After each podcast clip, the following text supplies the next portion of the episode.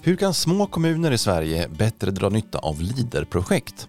Ja, den frågan ställer vi oss i det här avsnittet av podden Landet. Landsbygdsprogrammet går ju mot sitt slut och kommer nu ersättas av den så kallade strategiska planen som gäller för programperioden 2023 till 2027. Och som vanligt innehåller programmet en lång rad satsningar. Och för mindre kommuner i glesbygd och landsbygd finns här en hel del stöd att söka, inte minst inom LIDER. Så vilka möjligheter finns för små kommuner och hur gör man för att lyckas med sitt leaderarbete? Jag heter Håkan Montelius och det här är en podd från Landsbygdsnätverket.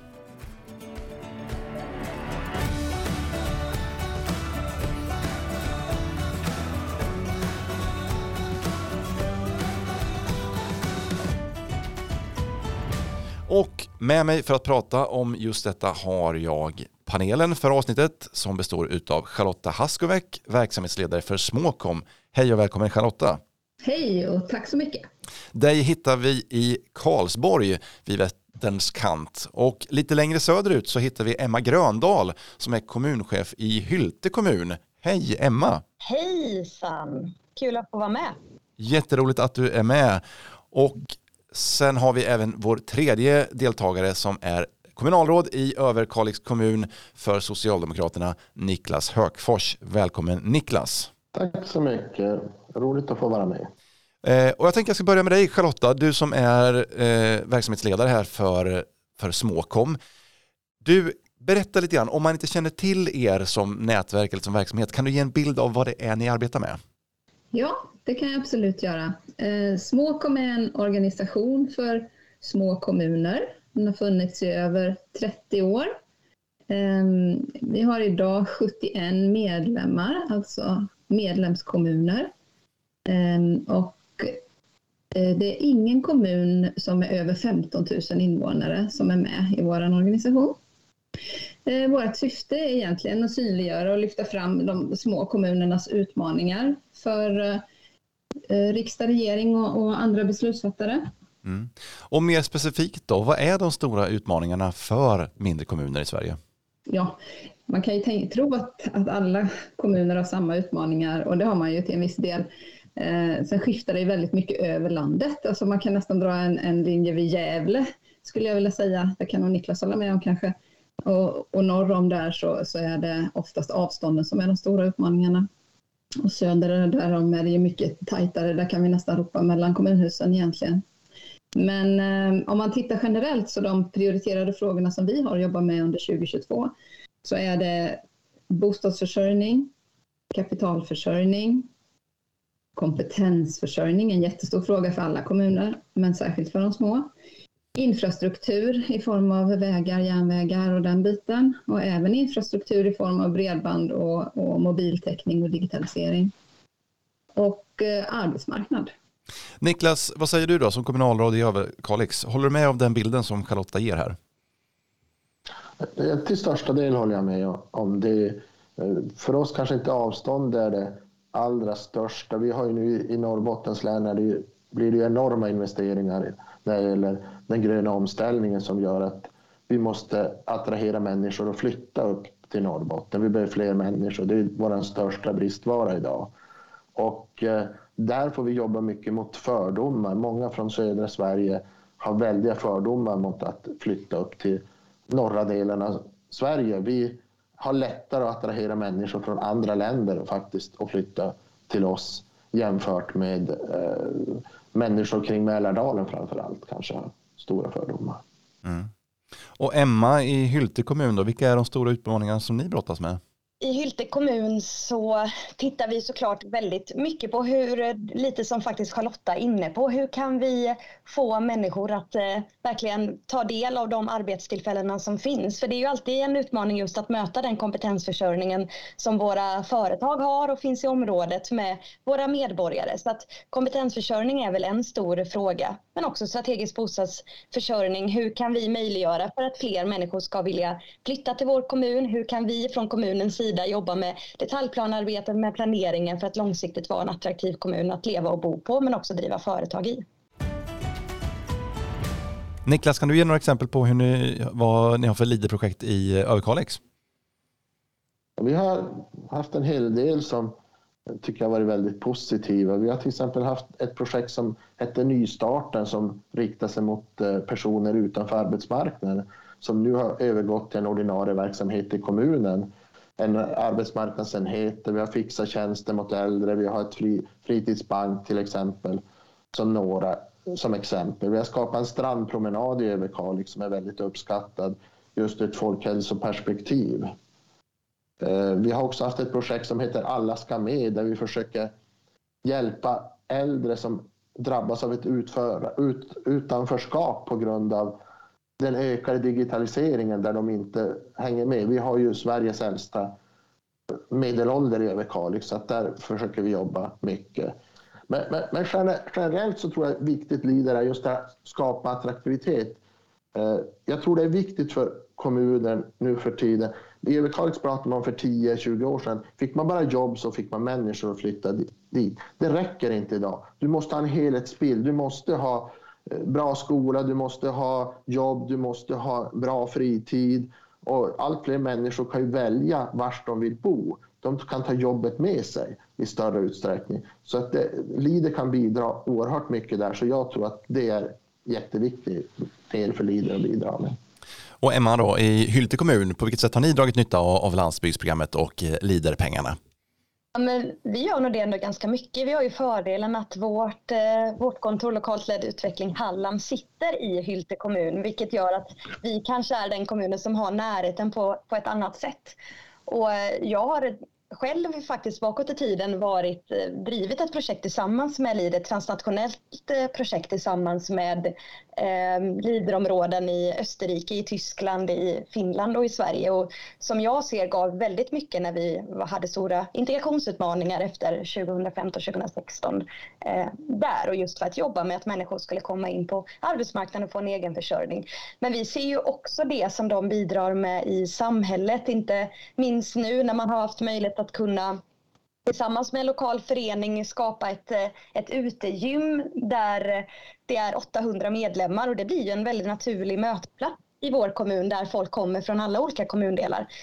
I, skulle vi jämföra oss med Norrland så är vi såklart inte en jättestor kommun men utifrån ett södra Sverige-perspektiv så har vi en ganska stor yta i förhållande till antalet eh, invånare. Och just den här typen av mötesplatser gör ju mycket. Och tack vare att Lider har kunnat vara med och bidra exempelvis bygga ett sånt här utegym det gör ju också att kostnaden för att vara med i den här föreningen blir ju betydligt billigare och det möjliggör ju för att fler att kunna göra det. Så det finns ganska många goda exempel som jag ser att Lider har varit med och bidragit till den landsbygdsutveckling som vi tycker är väldigt viktigt, som vi pratar mycket med, där hela kommunen och alla kommunens delar ska kunna utvecklas. Mm.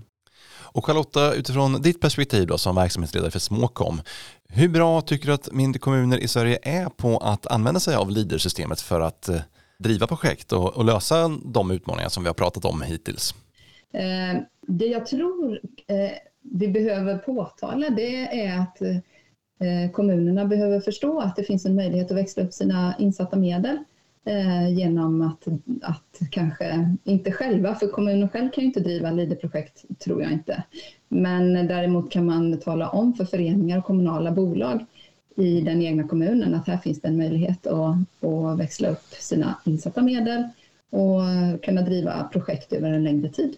Skulle du säga att... jag, må, jag måste tyvärr rätta där Charlotte kommuner kan driva LIDER-projekt. Jag sitter själv som numera vice, jag har suttit som ordförande i LIDER Polaris. Och det fungerar alldeles utmärkt för kommuner att driva projekt. Det är också ibland en fördel. De kan vara, hjälpa föreningar, kan vara lite bank för att man får ligga ute med rätt mycket pengar. Eh, jag tycker LIDER-metoden i sig är ju en stor vinning eftersom det är ett underifrån perspektiv där du helst ska ha ett samverkan mellan tre ben. Eh, offentliga näringsliv, och eh, ideella sektorn. Och det skapar ju ett fint samarbete som ger en stor positiv eh, effekt om människor möts, samarbetar. Det kan vara i den lilla byn där man gör någonting tillsammans och sånt. Det stärker sammanhållning och därmed också trivsel. Charlotta, du nämnde tidigare att du ser att eh, många kommuner kan bli bättre på det här med att få en större utväxling av, av lider och att man kan kommunicera ut det här bättre mot lokala aktörer. Eh, ja, är det just kommunikationen som de behöver bli bättre på eller vad är det, vad är det man behöver fixa till så att säga?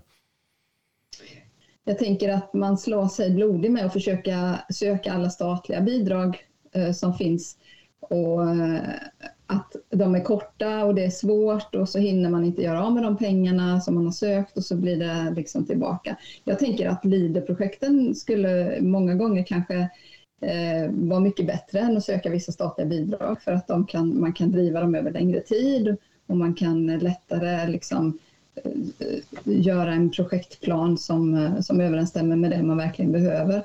Och, och där tror jag att eh, jag vet inte vem som ska göra jobbet och tala om för kommunerna att det finns, eh, finns möjligheter, men eh, det här är ju en del i det, tycker jag. Mm. Men skulle du, säga att, att, skulle du säga att kommunerna har för dålig kännedom om Leader? Ja, men jag tror att man vet om Leader, för att man är ju oftast med och medfinansierar. Som, som Niklas sa så är det ett trepartnerskap, så man vet ju att man går in med pengar där. Men eh, jag tror också, eller de eh, feltolkningar, eller man ska säga, som jag har hört, är att ja, men vi har redan satsat pengar där, vi har redan tryckt in pengar i Leader, nu är vi klara med det. Alltså man förstår kanske inte möjligheten med att man sen kan växla upp och hämta hem ännu mer pengar och att det kan komma kommunen till nytta. Sen tänker jag också att det alltid finns en rädsla just när det handlar om att söka den typen av, av stöd är ju den återrapportering och den, det ansökningsförfarandet som man ska gå igenom och har man inte gjort det någon gång och inte varit liksom involverad i de processerna så mycket så kan ju det kännas lite svårt och lite läskigt och det kan ju också göra att man med begränsade resurser inte riktigt vågar ta det steget. Så att där tänker jag att man behöver också någonstans ha någon som är drivande i kommunen och som kan tipsa om det. För det är väl det som någonstans också är fördelen med Leader. Det här tar ju någonstans möjligheten för för den lilla föreningen att ta, ta del av EUs resurser på något sätt och Sveriges gemensamma resurser. Och det där behöver vi, tänker jag som offentlig sida, bli bättre på att också lyfta upp det när vi har våra dialogmöten med föreningar och så och faktiskt pusha dem att våga gå vidare. Mm. Ja, jag måste haka på där också då Emma och säga det här med eh, eh, ansökningsförfarandet som på något vis har blivit en, en jättepuckel att ta sig över när man, när man pratar med föreningar i alla fall. Eh, att man tycker att det där känns jättekrångligt, det vågar vi inte ge oss in på. Man måste ha man måste göra det digitalt och, och det, det känns sådär. Men jag tror att om man liksom tar sig igenom den första ansökan så har man, då vet man vad det är som förväntas av en och så himla krångligt är det inte. Där, där tror jag att eh, man, precis som du säger, man måste kommunicera att eh, det, det, här är lättare än, eller lättare, men det här är inte så svårt som, som man ibland eh, säger att det är. Vi som kommun använder ju Leader ganska mycket och, och generellt i Leader så blir det att du växlar upp pengarna ungefär fem gånger.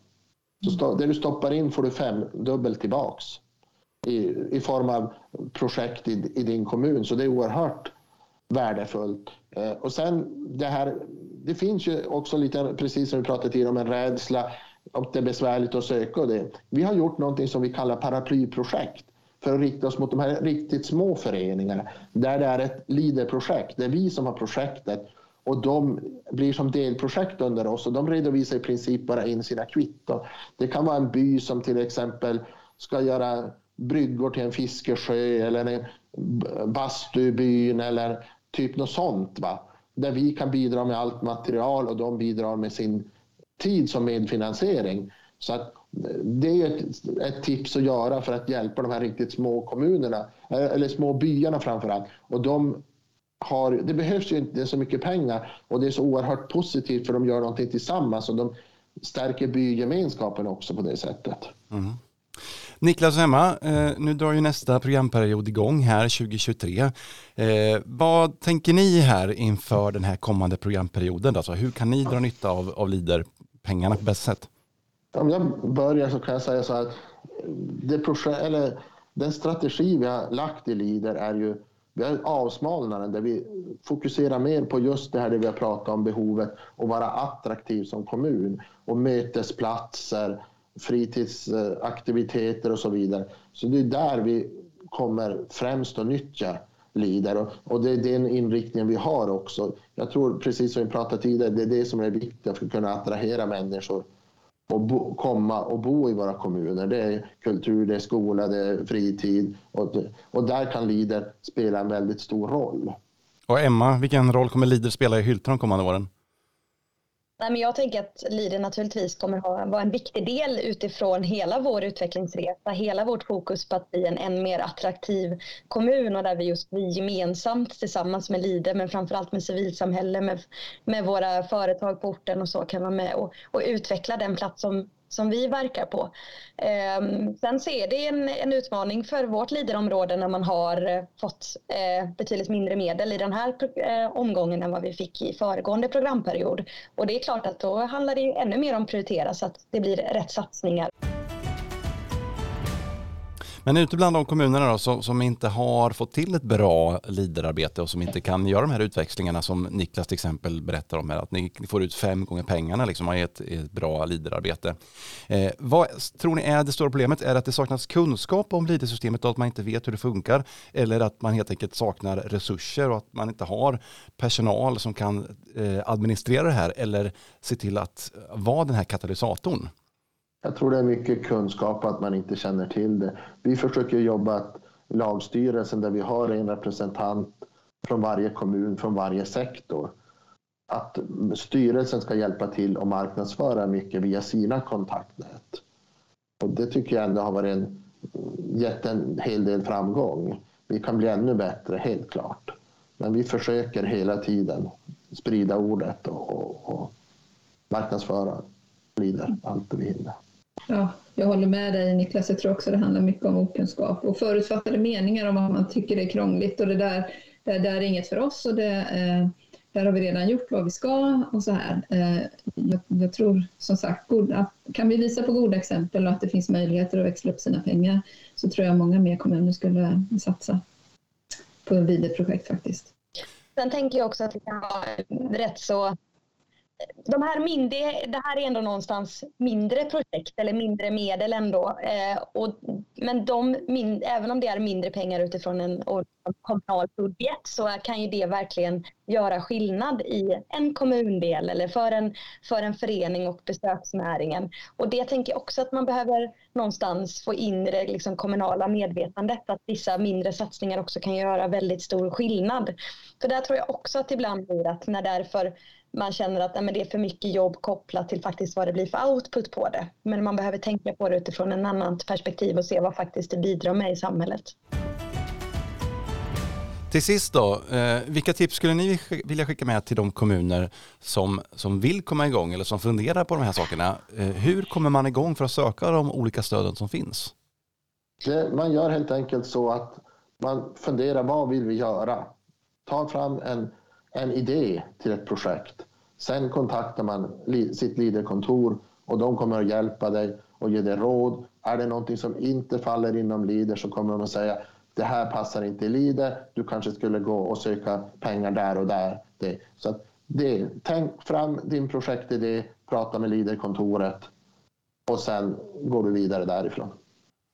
Emma, vad säger du? Ja, jag är faktiskt inne på lite på samma som Niklas. Vi har i Hylte kommun tagit fram åtta stycken samhällsutmaningar som vi ska jobba med långsiktigt och där vi ska försöka ha fokus på vilka effekter vi vill uppnå inom de här åtta samhällsutmaningarna. Och utifrån liksom med det här större perspektivet och den, vi genomför just nu en jättestor medborgardialog eh, och där vi försöker fånga upp vad medborgarna vill.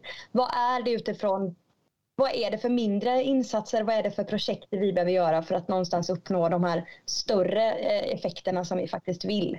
Så att där är jätte, jätteviktigt och precis som Niklas är inne på så har ju, får man ju en oerhört bra stöttning från, från Lidekontoren och de har en sån kunskap och kompetens och också kunna tänka på utifrån eh, hur man kan faktiskt formera ett sånt här projekt.